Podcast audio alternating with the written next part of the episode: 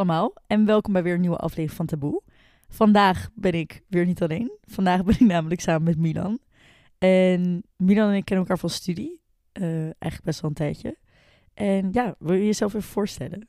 Ja, tuurlijk. Uh, nou, leuk dat je me hebt gevraagd om uh, hier te komen vandaag, Tessa. Mm -hmm. ik ben Milan, 26 jaar, heb hotelschool gestudeerd hier in Amsterdam en werk nu al twee jaar lang voor een bedrijf dat in arbeidsmiddeling zit.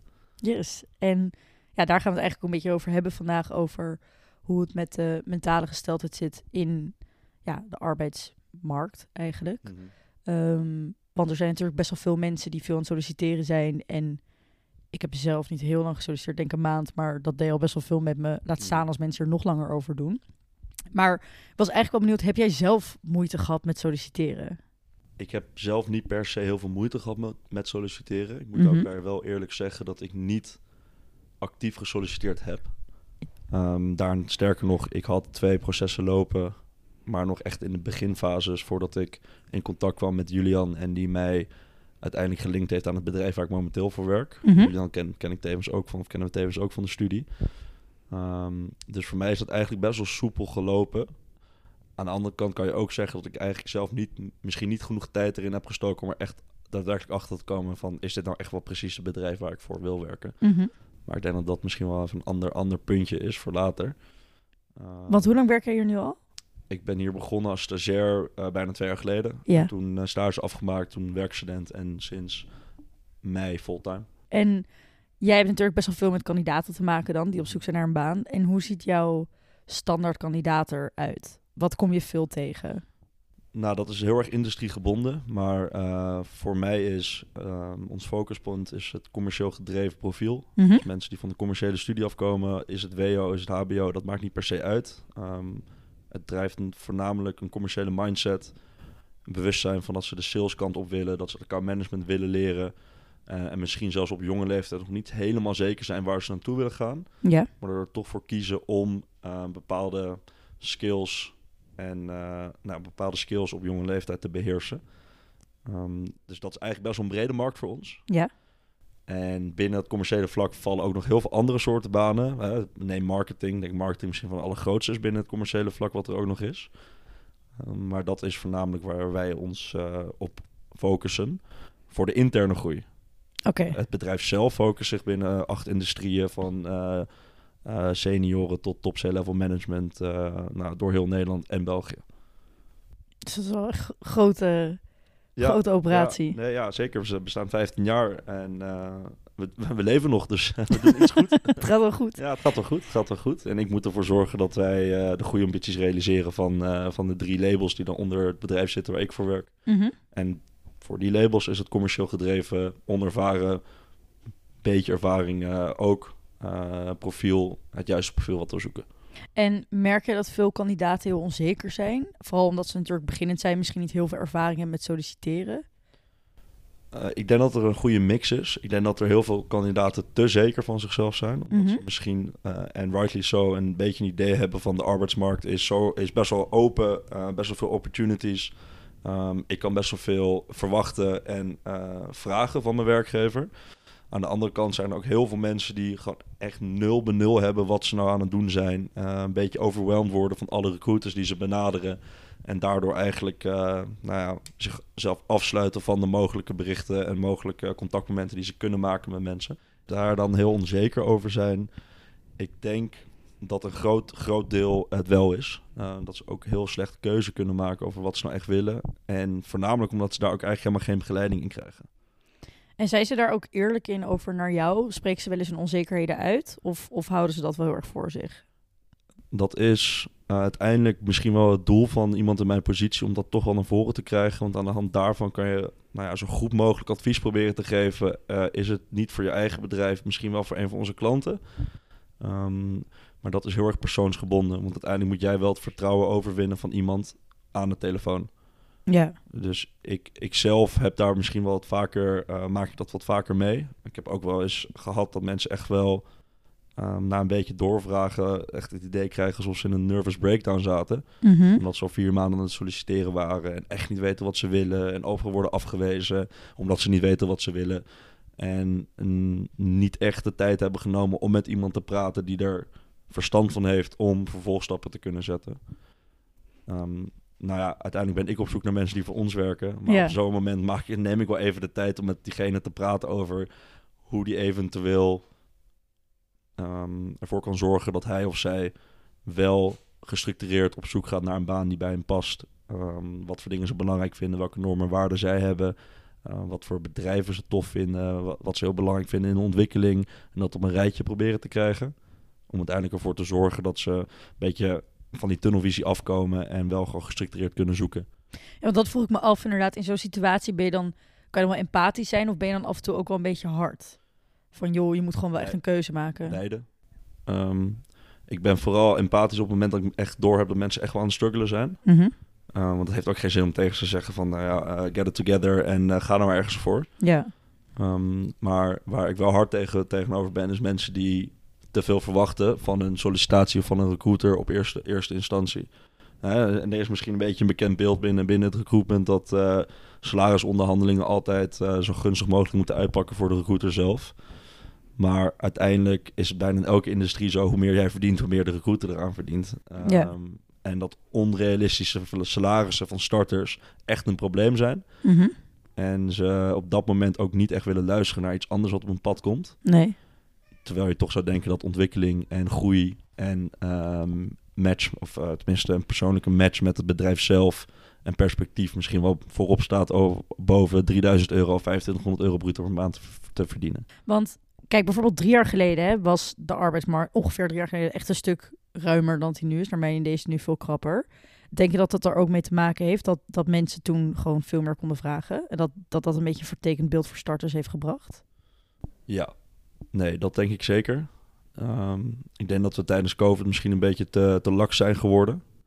Wat ik voornamelijk denk, maar dat moet zich nog maar bewijzen, is dat wij hebben natuurlijk uh, onze generatie, dus laten we een beetje van de Generation Z uitgaan, 1997 tot en met ja, wat, er nu allemaal rondloopt. Um, nog niet echt een crisis hebben meegemaakt tijdens hun werkende leven. Uh, wat ik daarmee bedoel is dat zij nog nooit uh, op zoek zijn gegaan naar banen terwijl ze uh, midden in een crisis zaten. Mm -hmm. Dus ze zijn ook niks anders gewend dan het ruime aanbod dat er is. de salarissen die, die gegeven worden en de mogelijkheden die er zijn. Waardoor ze een beetje kokkie zijn geworden, een beetje arrogant in, in een zoektocht. Maar ja, nu puntje bij paaltje erachter komt dat je toch wel ervaring nodig hebt om als marketeer ergens aan de slag te gaan. Een half commercieel Nederland marketeer wilt worden. Komen ze er toch wel achter dat het, uh, dat het best wel lastig is. En dat ze ook echt wel andere opties moeten overwegen. En heb je dan ook wel. Kijk, dat vertekenen beeld is ergens ook wel een beetje logisch inderdaad. Omdat je misschien niet echt, wat jij zegt, je hebt niet echt die crisis meegemaakt. Maar heb je dan ook mensen die inderdaad gewoon keihard op hun bek gaat, dat, dat beeld hebben na een maand of twee maanden niet aan de bak komen en um, dan bij jou aankloppen? Mm, goeie vraag. Ik denk, ze, ze kloppen niet per se bij mij aan. Ik denk dat ik af en toe wel toevallig met ze in gesprek kom. En dan is ook de hele realistische vraag die iemand in mijn positie stelt... is oké, je bent nu al twee maanden op zoek naar een baan. Waar gaat het mis? Op dat moment zet je ze eigenlijk best op zijn plek... want zij moeten nu open gaan zijn tegenover jou waarom het misgaat. En wat ik merk tijdens uh, zo'n reflectie... is dat er eigenlijk heel weinig zelfreflectie is. Dat het vooral erop neerkomt dat het bedrijf uh, geen ruimte voor ze had. Dat ze bij de relatieronde geen match waren. Dat er slecht contact was tussen de, tussen de recruiter en het bedrijf. Of tussen het bedrijf en de kandidaten. Um, en ik denk dat dat ook een beetje typerend is voor onze generatie. Dat ze toch wel heel snel kijken naar iemand anders de schuld geven. In plaats van toch maar even bij jezelf na te gaan van... oké, okay, waar gaat het nou mis bij mij? Ja, het is natuurlijk als je twee partijen hebt ook enigszins wel lastig... als de andere partij de keuze maakt om te zeggen... ja, het ligt aan hun en niet aan mij. Ja. En, ook vooral.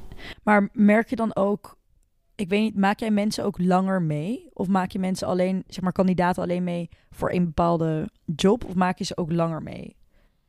Um, bedoel jij met dat ze vervolgens doorgaan naar een andere, andere functie? Ja, dat, dat je nog wel, zeg maar, stel iemand, uh, je komt iemand tegen die aan het solliciteren is voor functie A en die krijgt functie A niet. En na een tijdje krijg je diezelfde kandidaat weer voor functie B. Hmm.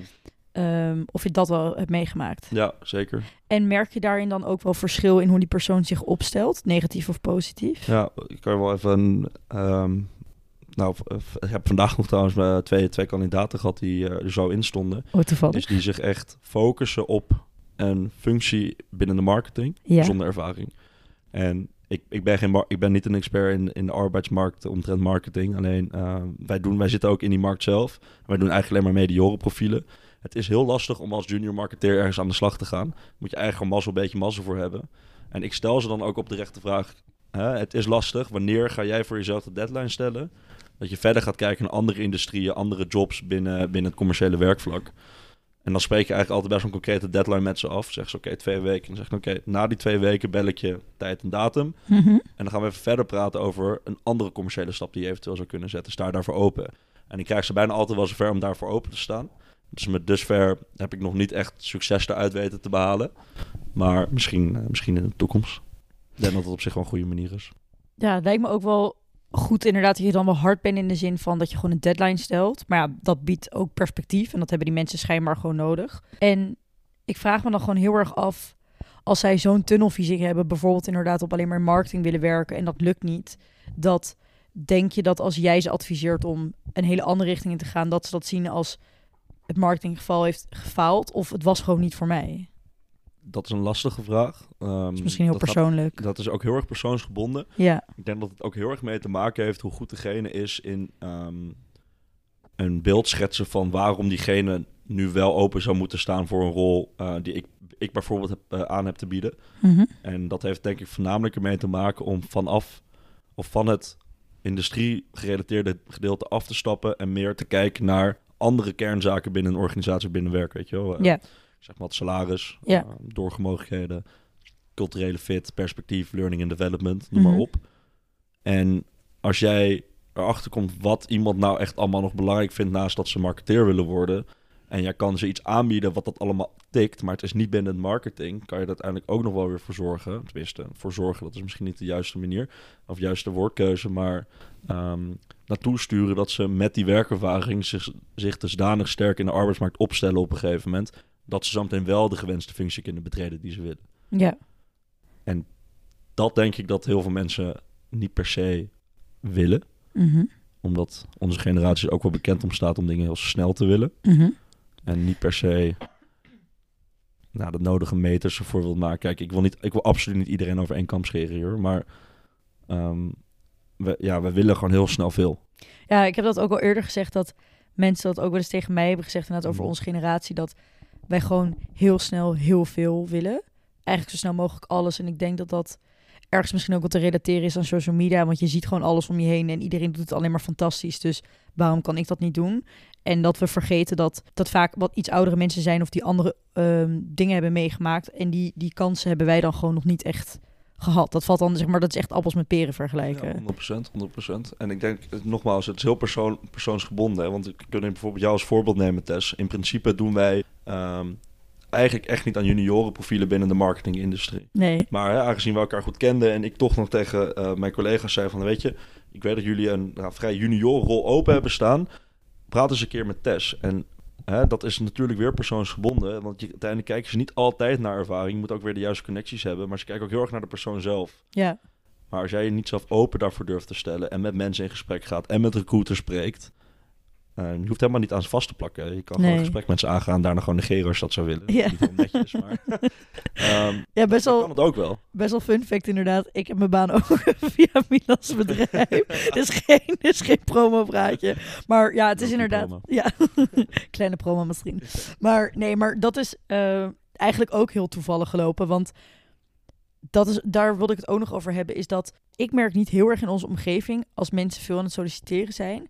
dat ze daar heel veel over zeggen. Ik heb het gevoel dat mensen daar best wel onzeker van worden. En misschien ook wel heel erg het idee hebben van ik wil het zelf regelen. Ik had heel erg zelf zoiets van, oh, ik ga het even voor mezelf fixen. Dus ik neem niet zo snel hulp aan. En eigenlijk kwam dit heel toevallig op mijn pad. En ik ben echt super blij met mijn baan. Het is best wel grappig, want jij zei dat ook tegen mij van... joh, hoezo heb je mij niet gecontact? Want je weet dat ik in de arbeidsbemiddeling werk. Zeg maar, misschien dat ik iets voor je kunnen betekenen. Mm. Maar ik weet dat het bij mij uit een soort van drang komt misschien om het zelf te fixen. Maar denk je dat veel andere mensen in onze omgeving dat ook hebben? Want ik hoor niet veel om me heen dat mensen het hierover hebben. Zeker.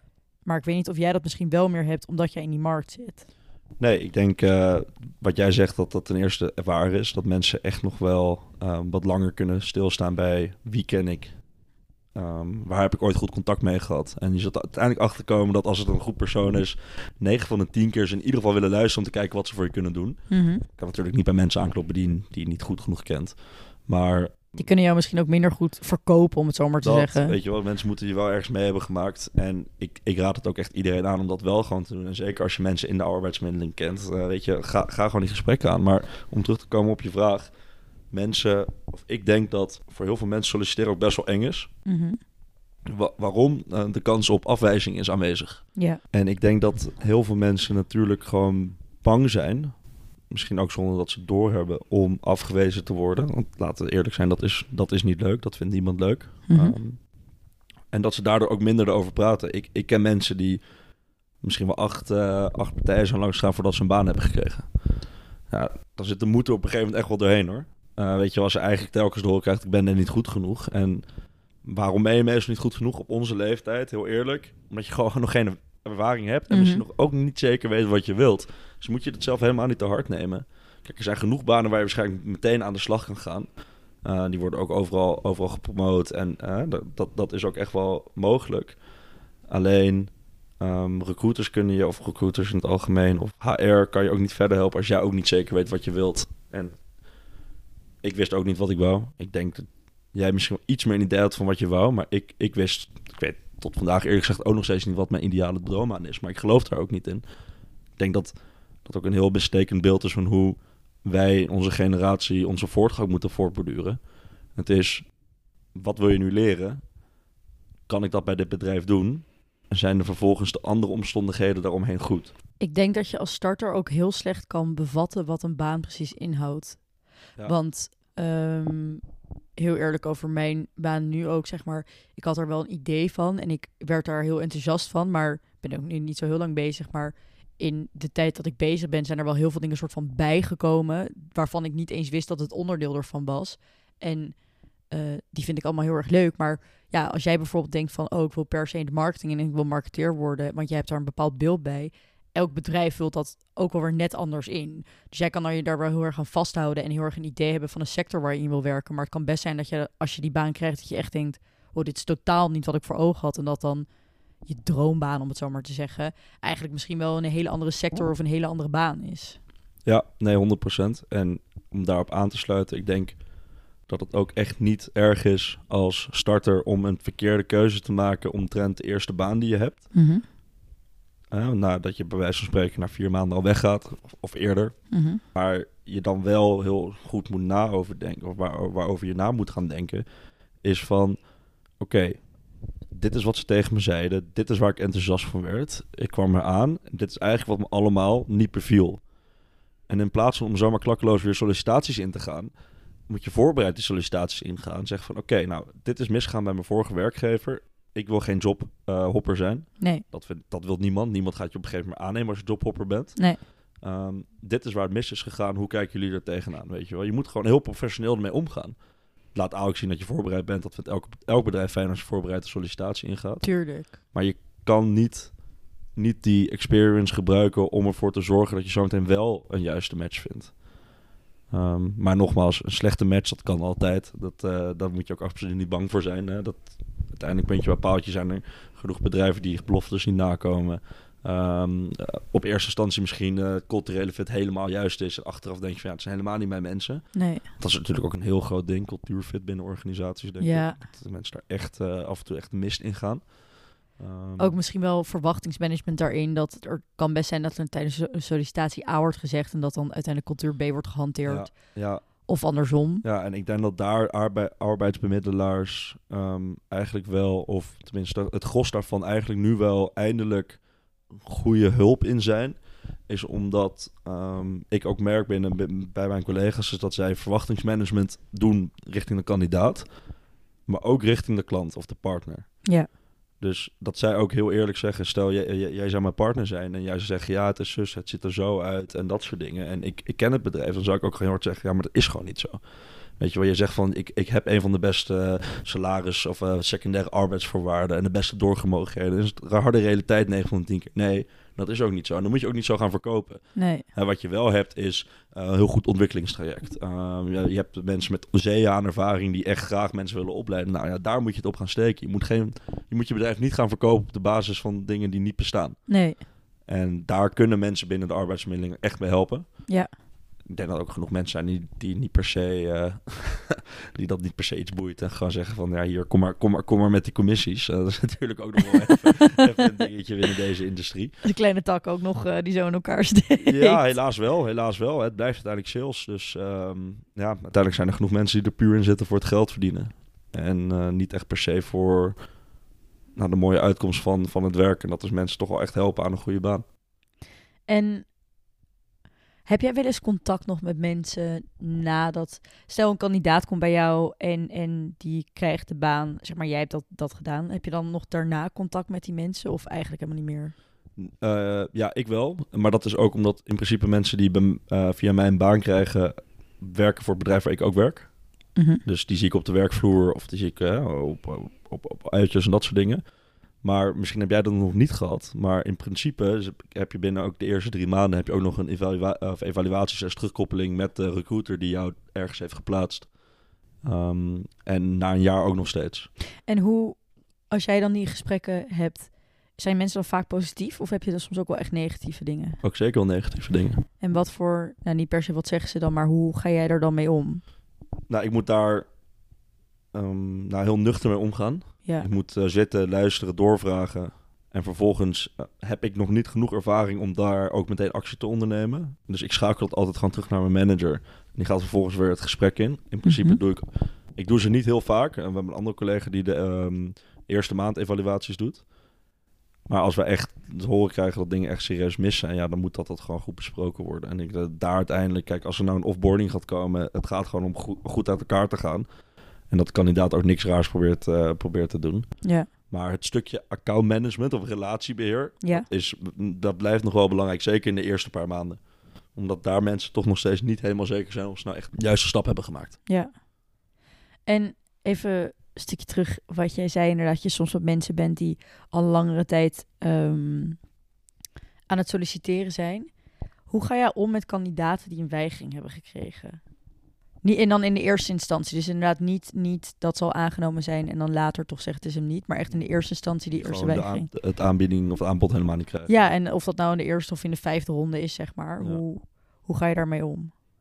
Nou, ik heb zelf een paar keer ervaren dat mensen toch wel echt heel... Nou, ik wil het niet boos noemen, maar wel eh, Gefrustreerd? gefrustreerd, een beetje agressief overkwamen. Ja. Naar, naar, eh, eh, geen begrip toonden.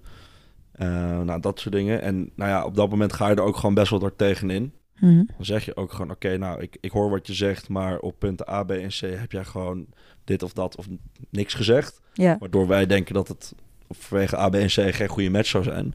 Daarmee zet je ze, ik wil niet zeggen op zijn plek, want dat is, dat, dat is helemaal niet de bedoeling ervan. Maar op het moment dat jij ook, hè, dat ze ook zo tegenin gaan, moet je ook wel gewoon goed kunnen onderbouwen waarom iemand wordt afgewezen. Misschien breng je ze gewoon iets meer terug in de realiteit.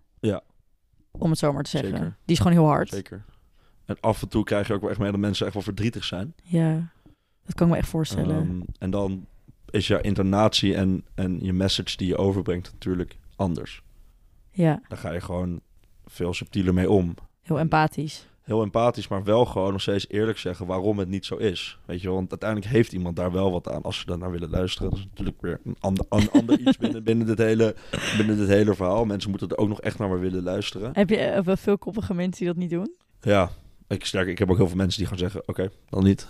Hè, op dat moment denk ik ook, oké, nou, dan was het waarschijnlijk wel de juiste keuze dat we dit hebben, niet hebben gedaan. Want Ja. als jij echt ermee, als je het echt relax had gevonden, had je tenminste gevraagd waarom niet. En, maar hoe ga je er dan zelf mee om? Want ik kan me voorstellen als je zo'n gesprek voert, of het nou eh, is dat iemand dat een beetje gefrustreerd is, of iemand ehm, emotioneel wordt, of inderdaad ze zegt van oké, dan niet. Ik bedoel, uiteindelijk voer je een gesprek. Tuurlijk is een professioneel gesprek, maar ik weet van mezelf dat dat ook een reactie bij mij uitlokt. En dat, dat reageer je dan misschien niet af op de kandidaat. Maar als je meerdere van dat soort gesprekken op een dag voert, is eigenlijk een beetje alsof je soort van een heleboel emoties mee naar huis neemt. Hoe ga je daar dan mee om? Of heb jij als de telefoon opgehangen is, ben je het al vergeten? Nou, het is onderdeel van de job.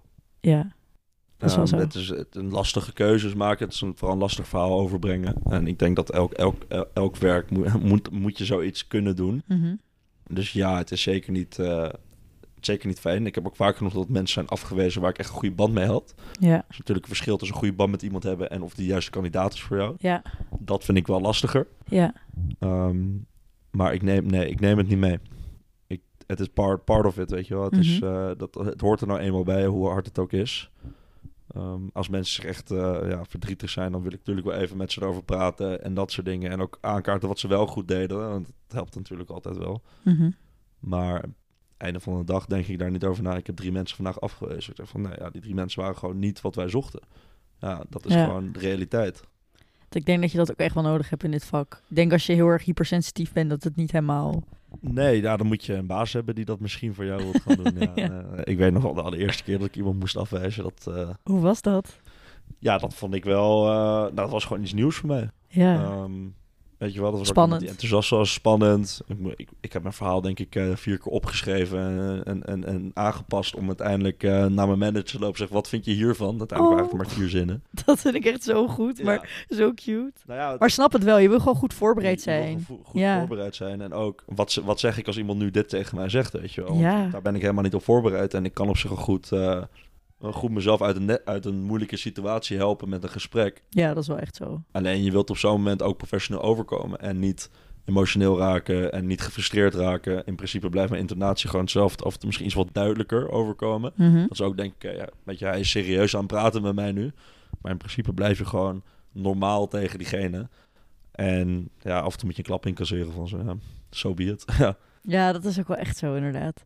Denk je dat het ehm, ooit zo gaat zijn? Kijk, wij zijn natuurlijk allemaal best wel een generatie van veel praten en veel dingen bespreekbaar maken. Dat is ook best wel een beetje het doel van deze podcast. Maar denk je dat er ooit ehm, een moment gaat zijn dat mensen hier wat, wat minder schaamte over gaan voelen? Ik denk dat het schaamte het grootste overheersende gevoel is als je veel afwijzing krijgt.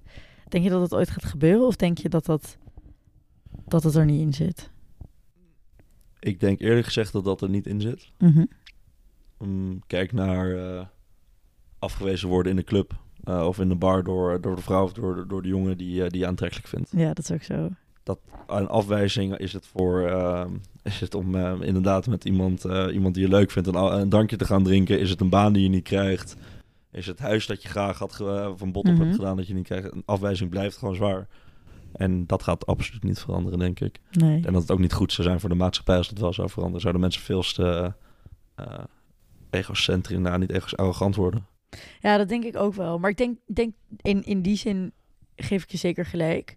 Maar toch denk ik wel dat, vooral voor starters, laat ik het zo zeggen. Er zijn, zijn best wel veel mensen om ons heen die dan misschien ook net zijn afgestudeerd of een baan zoeken. En eigenlijk heb je altijd een beetje een droombeeld in je hoofd van, nou, ik ben klaar met studie en dan, dan heb ik een leuke baan en dan, of ik groei door bij mijn stage of zo. En ik heb best wel veel mensen die daar echt wel moeite mee hebben, die echt gewoon misschien zichzelf ook niet helemaal goed kunnen verkopen, maar daar ook niet zo heel veel over vertellen. En maar waar hebben zij moeite mee? Als jij, als jij nu denkt aan een paar, paar eigenschappen of kenmerken waar zij moeite mee hebben, wat, wat, wat komt bij jou naar boven? ik denk dat ze zichzelf niet zo goed kunnen verkopen. Dat ze niet zo goed weten wat, wat hun goede en minder goede kwaliteiten zijn. Dus dan Ja. is het natuurlijk ook lastig om dat aan een werkgever door te spelen. Want Ja. dat, dat wordt natuurlijk altijd gevraagd. En ik denk ook wat jij zegt, dat mensen misschien ook niet zo heel goed weten wat ze willen. Dat ze het vaag weten, maar niet, niet echt. Ja, nee, daar, daar zeg je ook, eh, denk ik, twee hele waarde, waardige punten. Maar om meteen om met een eh, tegenargument te komen. Die twee dingen die je net benoemt, eh, met het eerste gedeelte, niet weten waar je goed en slecht in bent. Ja, laten we allemaal even heel eerlijk zijn. Iedereen in onze schoenen heeft wel eens gehoord, schrijf die dingen op. Ja, En hoe cliché het ook klinkt. En hoeveel, hè, want we hebben hotels hebben van die academic journals gedaan om je professional career development bij te houden en dat soort dingen. ja, Nou ja, daar leer je wel hoe je dat soort dingen moet doen. Maar puntje bij paaltje, iedereen heeft ooit gehoord dat het handig is om op papier te schrijven wat je sterke en minder sterke punten zijn, om dat één keer in de zoveel tijd te gaan evalueren. Mhm. Nou ja, als jij dat niet weet, betekent eigenlijk gewoon dat je dat niet hebt gedaan. Ja, Het is voor mensen lastig. Kijk, puntje bij paaltje verder blijf ik het ook altijd lastig vinden om het te zeggen. Maar ik, ik, heb me wel eens, ik heb me wel toen destijds voorbereid erop dat ik deze vraag ga krijgen. Want in principe moet je ook niet naïef zijn, naar mijn mening. Ik wil mensen niet naïef noemen en daarmee uh, mensen beledigd of uh, ja, raken. Maar als jij een sollicitatie ingaat en je, en je kan, zo, maak het zo simpel als je wilt. Gebruik ChatGPT. Wat zijn de tien vragen die ze me sowieso over mijn persoonlijkheid gaan stellen of zoiets? Ja. Zoek het op, bereid je voor en heb een antwoord klaarstaan. Geloof me, dan ga je al zoveel meer stappen maken in je sollicitatieprocedure. Zodat jij waarschijnlijk uiteindelijk gaat zeggen: hey, weet je, ik heb er uiteindelijk goed over nagedacht. Maar ik vind jullie niet de juiste match voor mij. In plaats van dat je maar een beetje hoopt dat ze, dat, dat ze je wel gaan aannemen. Wat was het tweede punt dat je benoemde? Uh, het eerste punt was inderdaad dat mensen niet zo goed weten wat hun goede of minder goede kwaliteit zijn. En het tweede is eigenlijk wat jij ook al zei, dat mensen niet zo goed weten wat ze willen. Wat ze willen. Ja, wat, wat voor werk ze willen. Ja, ja dus nou, ik, ik geef best wel vaak mensen advies op het eerste. Ja. Um, en dan hoor je ook wel, ja, dat weet ik ook allemaal wel. En dan zeg ik ook altijd een beetje streng van, ja, doe het dan ook. Ja. Ik, ik, ga, jij gaat me niet vertellen als je het niet hebt gedaan dat je het niet in nee. kan vertellen. Of het nou helemaal klopt, dat weet je niet. Uiteindelijk weten we allemaal nog niet helemaal waar we super goed in zijn en, mm -hmm. en minder goed in zijn. Um, en het tweede ding wat je wilt, ja, je moet gewoon stoppen met het droombeeld hebben van je ideale startbaan als je net begint. Geef je dit advies ook aan, aan vrienden van jou die aan het solliciteren zijn? Zeker. Ik heb, ik heb genoeg vrienden van mij die daar moeite mee hebben. Ja. En waar ik ook gewoon heel hard tegen zeg, maar ja, ik kijk ook eerlijk, eerlijk gezegd naar mezelf. Ik heb dat ook niet gedaan in het begin. Ik ben daar nu achter gekomen dat ik zoveel met mensen te maken krijg. En ik uiteindelijk op een manier, of het nou uitkomstig voor ons uh, goed is of voor hun als persoon, weet je wel. Ik, ik ben daar prima mee. Ik hoef niet altijd rendement voor mezelf eruit te trekken. Nee. Um, maar je, je moet gewoon... Je ziet het als een, als, als een project dat je, dat je zelf gaat uitvoeren. Kijk, ik, ik wil een baan. Oké, wat heb ik daarvoor nodig? Bepaalde skills en competenties. Oké, uh, ik ga sollicitatieprocedure in. Oké, uh, wat moet ik dan weten? Wat moet ik dan vragen? Wat moeten mensen over mij weten? Nou, als je dat in principe allemaal op papier gaat zetten... en echt even wat serieus, nou, seriositeit ervoor neemt... Ja dan ga je er gaandeweg ook achterkomen wat je nou wel en niet wilt binnen een bedrijf of binnen een functie. Mm -hmm. Maar gaat je ook goed voorbereid ergens in. En ja, en dan 9 van de 10 keer heb je in ieder geval een goed gesprek. Of het nou matches, ja, weet je, dat moet je ook een beetje mazzel mee hebben, denk ik, met de juiste, juiste profielen te vinden. Je kan natuurlijk sowieso van elk gesprek leer je wat. Van elk gesprek neem je wat mee. 100%. Dus ja, zolang je er zelf goed in voorbereid bent, dan denk je inderdaad ook wel dat je echt een eind komt.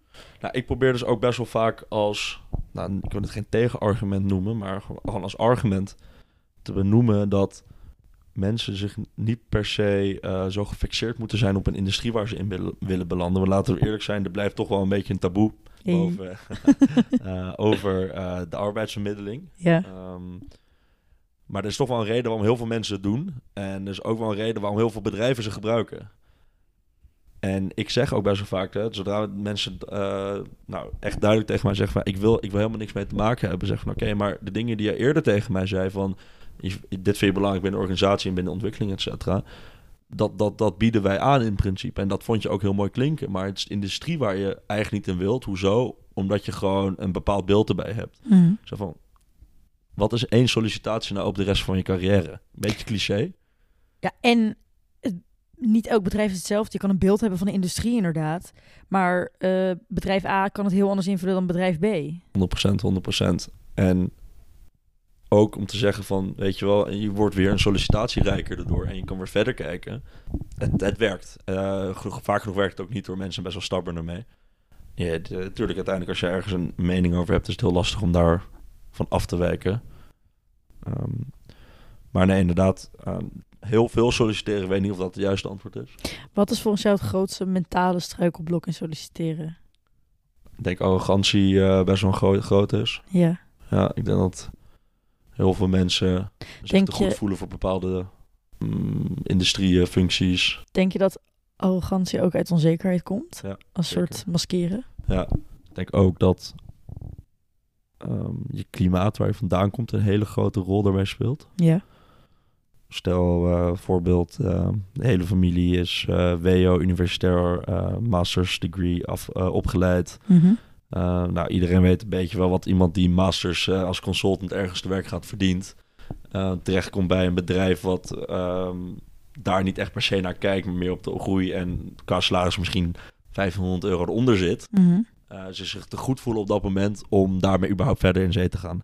Of dat de ouders van diegene daar ook een beetje om neerkijken, omdat het een industrie in is waar zij eigenlijk ze, hun kinderen niet in hebben zien werken. Hoor je dat veel bij sollicitanten, dat mensen ook de reflectie van hun ouders meenemen? Nee, je hoort niet veel dat ze dat meenemen, maar je kan er denk ik uiteindelijk wel achterhalen dat dat ermee te maken heeft. Ja. Heel veel mensen geven ook eerder toe, hè, we, we vragen het ook af en toe, is er, met, is er iemand uh, dichtbij met wie je dit soort dingen bespreekt? En dan komen ouders best wel vaak naar voren en ik denk dat dat heel goed is. Ja. En dat het ook heel, um, tenminste, ik heb er ook heel veel profijt uit gehad. Mhm. En ik hoop ook gewoon dat, uh, dat genoeg mensen daar ook toegang tot hebben. En laten we eerlijk zijn, dat is niet bij iedereen zo. Nee. Um, maar het moet niet je beslissing leiden. Nee, je kan het meenemen als input, zeg maar. Een soort van, als een soort van Mhm. ja, ander standpunt misschien, om, om een beetje te sparren. Maar, maar niet dat het be- bepalend is voor jouw beslissing. Nee, inderdaad. En wel om ook misschien een heel ander inzicht te krijgen. Uh, is het nou een inzicht dat je eigenlijk misschien niet wilt horen omdat je super enthousiast bent over een job? Prima, maar misschien is het wel iets dat je moet horen. Ja. Um, of je bent helemaal niet enthousiast over de job, maar je ouders of je, je beste vriend zegt tegen nou maar luister, dit is eigenlijk helemaal in lijn met wat jij wilt. Alleen wil je het niet doen omdat het in, in, in een bepaalde industrie zit of omdat je 2000 of 5, uh, 2500 euro per maand gaat verdienen. Ja. Een beetje een reality checker meekrijgen, weet je wel, van... Nou, zorg, zorg maar voor dat jij niet uh, na een jaar nog steeds op die 2500 euro zit. Want in principe is het bijna in elk bedrijf mogelijk om te groeien. Mm -hmm. Dat ligt natuurlijk gewoon helemaal aan jou, aan jou, hoe je dat gaat doen. Ja, en ook of je het aankaart of niet. Want ze gaan het je nooit geven als je het niet vraagt. Zeker, aankaarten. Dat is heel belangrijk. Maar ook niet te snel. Je moet ook wel Nee. uh, een beetje een idee hebben van ben ik daadwerkelijk nou echt goed bezig. Ja. Maar dat is management. Management moet je, dan moet je daar natuurlijk wel een beetje mee op de, op de hoogte stellen. Uh, maar heb jij bijvoorbeeld tijdens jouw sollicitatieproces veel, veel uh, advies of mensen gesproken voor um, hun zicht op bepaalde nou, bedrijven, bepaalde posities? Ik heb wel met heel veel mensen gepraat over wat ik wilde en wat ik niet wilde. En ik dacht daar wel een goed idee van te hebben, maar ik vond dat dan ook alweer lastig. Ik had wel het idee dat ik wel goed wist wat, waar ik goed in was en waar ik minder goed in was. En waar, waar ik wel op zoek naar was en waar ik niet op zoek naar was. Uh, in de breedste zin, zeg maar. Maar ik vond het, omdat ik dus juist een beetje zelf het idee had dat ik dit heel goed wist, vond ik het heel lastig om met mensen er veel over te hebben. In de zin van, ik denk dat ik er zelf niet helemaal voor open stond om andere invalshoeken te krijgen. Omdat ik zoiets had van, ja, maar ja, dit wil ik en dit ga ik voor mezelf regelen. En uiteindelijk is wat ik nu doe, zeg maar, van tevoren, laat ik zo zeggen, hoe, hoe ik het, de factuur zeg maar heb leren kennen, is het niet per se 1, 2, 3 wat ik oorspronkelijk in mijn hoofd had. Maar nu dat ik het doe, sluit het helemaal aan met wat ik wilde. Ja, ja. Dus oorspronkelijk was ik misschien zelf niet uh, ingegaan op die vacature. Maar nou ja, jij belde mij en jij kent mij goed. En jij zei, joh, je moet het gewoon proberen. En moet ook wel zeggen dat het een stukje geluk is, want er zijn niet heel veel mensen voor wie ik dat aanneem, maar jij bent er wel een van. Dus misschien is dat ook wel, ja, misschien is dat ook wel enigszins biased. Maar um, ja, ik kan zelf ook wel zeggen, toegeven dat ik misschien zelf ook wel te, nou, arrogant wil ik het niet noemen, maar misschien gewoon te, hoe zeg? Ja, maar misschien ook wel gewoon een beetje te stubborn ben geweest om, om, om andere mensen daarin toe te laten. Gewoon Ja. zelf denken van, joh, ik wil het zelf regelen en ik ga het zelf fixen. Ja. Ehm, maar ik denk niet dat het veel kwaad had gaan, want uiteindelijk nou, heb ik naar jou geluisterd en heb ik een waanzinnig leuke baan. Dus Ja, en als je heel eerlijk bent, eh, als je nu een lijst van de dingen die jij eh, absoluut terug had willen zien binnen een eerste functie, ontbreekt waarschijnlijk de helft ervan. ja, weet ik niet. Ik vind het wel echt heel erg er leuk. Nieuwe dingen waar je ook achter bent gekomen. Dat is het. Er zijn heel veel nieuwe dingen en misschien nieuwe waarden die ik van tevoren misschien niet 1, 2, 3 voor Ja. mezelf had, had gesteld. Ehm, bijvoorbeeld een bedrijfscultuur had ik wel over nagedacht. Dat ik dat wel... ehm, nou, daar ben ik trouwens ook in het solliciteren achter gekomen. Ik heb een sollicitatie gehad waarin er echt een hele hiërarchische ehm, Mhm. sfeer hing, wat ik niet van tevoren wist, maar hiërarchisch dat het op mij denigerend afkwam. Ja, ja. Eh, en daar werd ik heel onzeker van toen ik daar, daaruit kwam. En toen had ik wel besloten van oké, dit wil ik niet. En dat is niet per se een eis die ik van Ik tevoren... belde jou een dag erna. Nee, jij, jij belde mij toen ik onderweg was naar deze sollicitatie. ik stond letterlijk voor de deur. En ehm, toen kwam ik eruit en ik was er zo onzeker geworden. Zeg maar, hoe zij dat hadden aangepakt was voor mijn gevoel... Ik, voor mijn gevoel werd ik gewoon een beetje met de grond gelijk gemaakt. Ik heb geen idee of dat het een insteek was of daar, daar wil ik verder niet zoveel over zeggen. Maar zo kwam het in ieder geval op mij over. En daarvan heb ik juist geleerd... eh, hey, dit is niet hoe ik het niet wil. En dat heb ik ook aangegeven in mijn sollicitatie van baan die ik nu heb. Van, wat wil je niet? Ik zei, ja, kom ook uit de hotelwereld. De hotelwereld is natuurlijk ook wel behoorlijk hiërarchisch. Mhm. Ehm, en dat vind ik niet erg. Ik heb echt zeker wel respect voor verschillende lagen van management. Alleen hou ik gewoon niet van dat denigerende gevoel wat er af en toe bij komt. nee. Daar sta ik niet voor open. En dat is niet een inzicht dat ik had kunnen hebben als ik niet ook naar die vervelende sollicitatie was gegaan. Want dan had ik het niet kunnen weten. Nee, nee, dat kan ik. eh, ja, ik kan me voorstellen dat het best wel intens zou zijn. Maar dat- Ja, het, het, het verschil daar, ik wil ook niet op hun afschrijven dat het verkeerd was, maar ik was gewoon heel erg een junior en zij waren eigenlijk op zoek naar iemand met meer ervaring. En dat liet zijn gewoon heel erg doorschemeren, wat heel logisch is. Maar maar ik- hoe ben je dan? Hoe ben je überhaupt daar dan op gesprek gekomen? Ja, ook wel met een tussenbedrijf. Maar dus ik denk dat, dat daar... Het kan best wel zijn dat, dat dat tussenbedrijf misschien meer vertrouwen in mij had... dan wat ik Mm. daar zelf heb laten zien. Dat Ja. kan.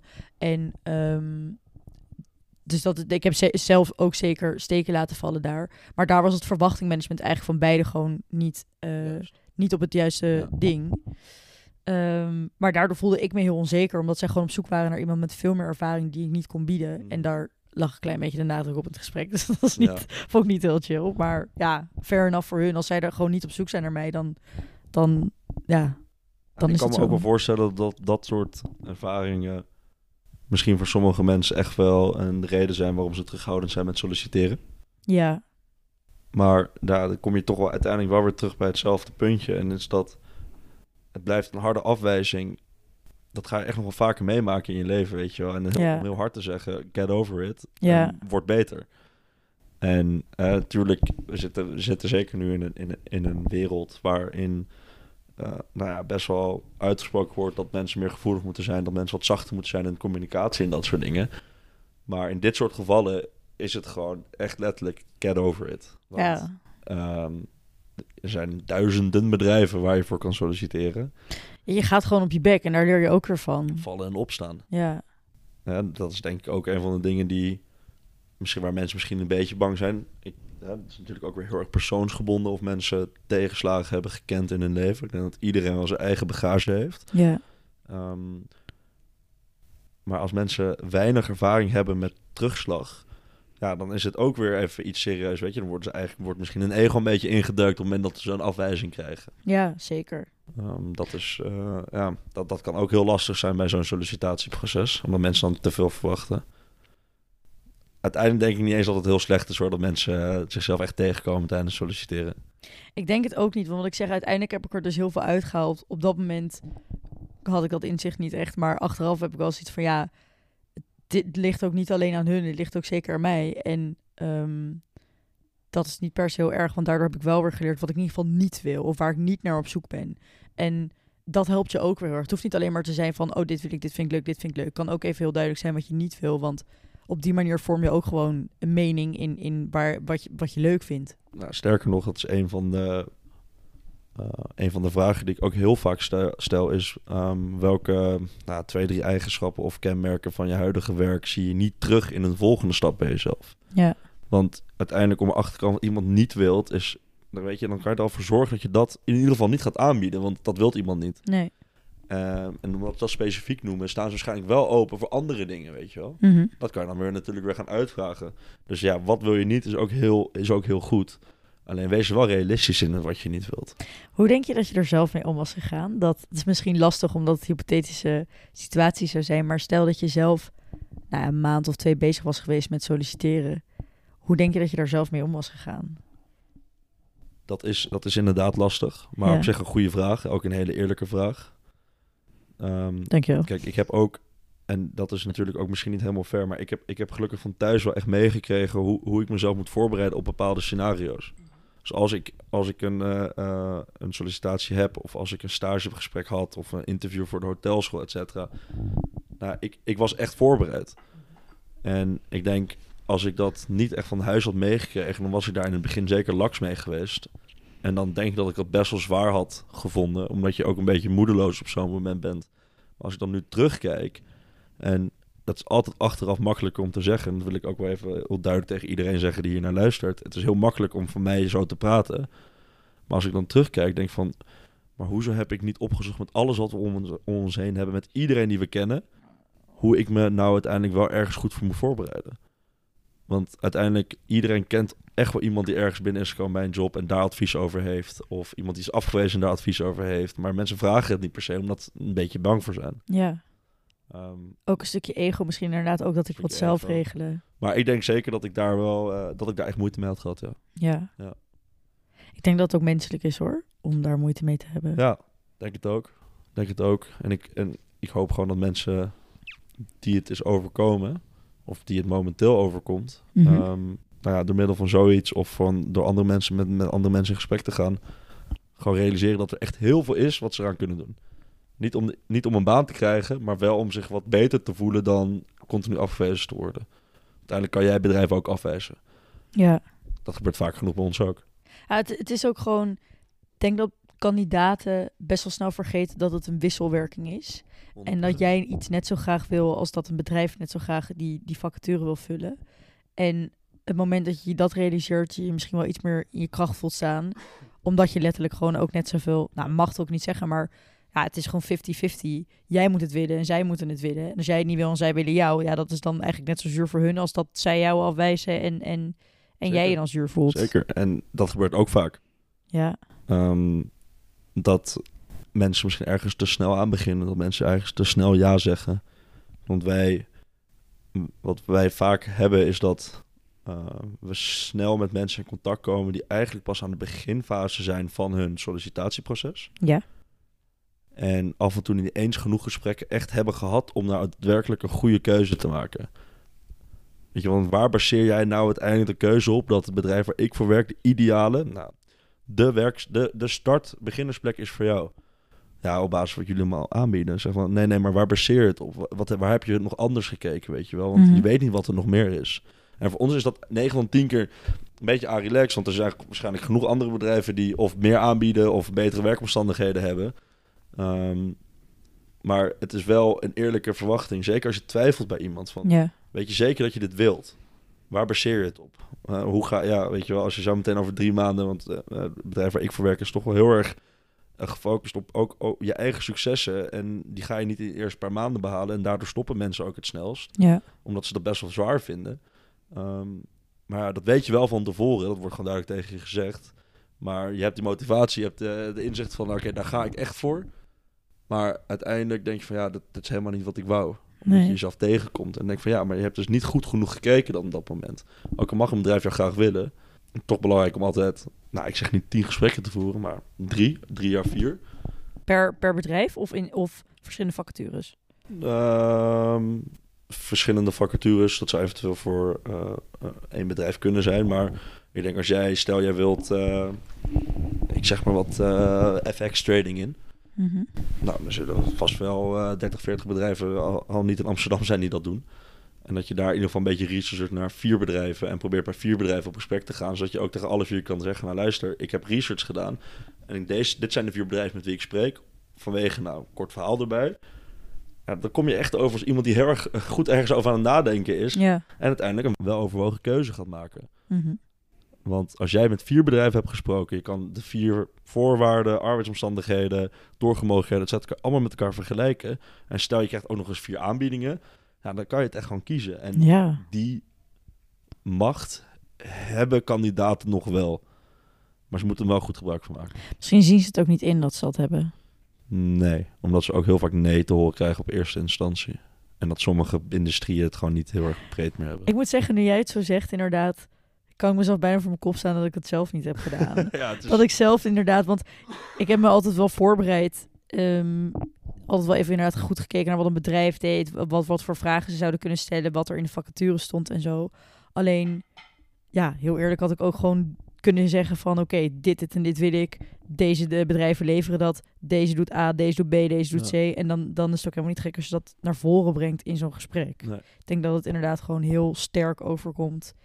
In plaats van dat als je eh, dat iemand iets aan je vraagt van eh, hoezo wilde je dit? Ja, ja, weet ik eigenlijk niet, weet je wel. 100%. Ja, Eh, dat is ook een van de dingen die ik mijn baas ook echt wel hoor zeggen. Is van, dit is een goede kandidaat. En dan, oké, zo vraag ik dan altijd waarom. Zeggen ze niet per se, nou, niet per se omdat hij hyper intelligent is of zo. Maar die is met andere bedrijven in gesprek. Die weet, wat, die weet ongeveer wat hij wilt leren. Die weet waar hij naartoe wilt gaan. En die kijkt echt goed om zich heen, zonder dat hij acht, acht bedrijven aan het vergelijken is met elkaar. Maar wel genoeg om een juiste keuze voor zichzelf te kunnen gaan maken. Ja. Zijn er nog dingen die je heel graag wil vertellen of dingen die we niet hebben besproken? Dingen die je mensen mee wil geven als advies? Um, kijk binnen je netwerk. Ja.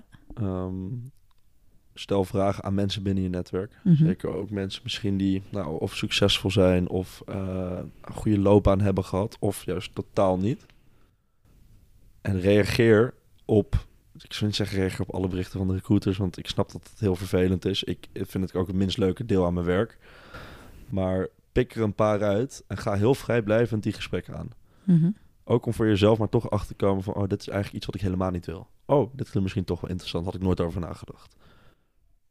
Het is toch maar even tien minuutjes van je leven, ja. Wat maakt het nou uit? Ja. Tien minuten scrollen of tien minuten even met een recruiter bellen die misschien wel een goede baan voor jou heeft. Ja, dat vind ik echt een hele goeie. Daar, ik denk dat dat hem wel voor me is, ja. Dat denk ik ook. Um, nou Milan, ik wil je heel erg bedanken voor uh, vandaag. Ik uh, denk dat het er al op zit. Graag gedaan. Dankjewel voor al je wijze woorden. Ik hoop dat mensen er heel veel aan hebben gehad. Mocht je dit nou leuk hebben gevonden, zorg dan even dat je de Instagram volgt, taboe.podcast. Verder is podcast te beluisteren op uh, Apple Podcasts, Spotify en Podimo. Dus zorg ook even dat je daar alles op liked. En dan, ja, Zie ik je weer volgende week. Dankjewel Tess. Geen probleem.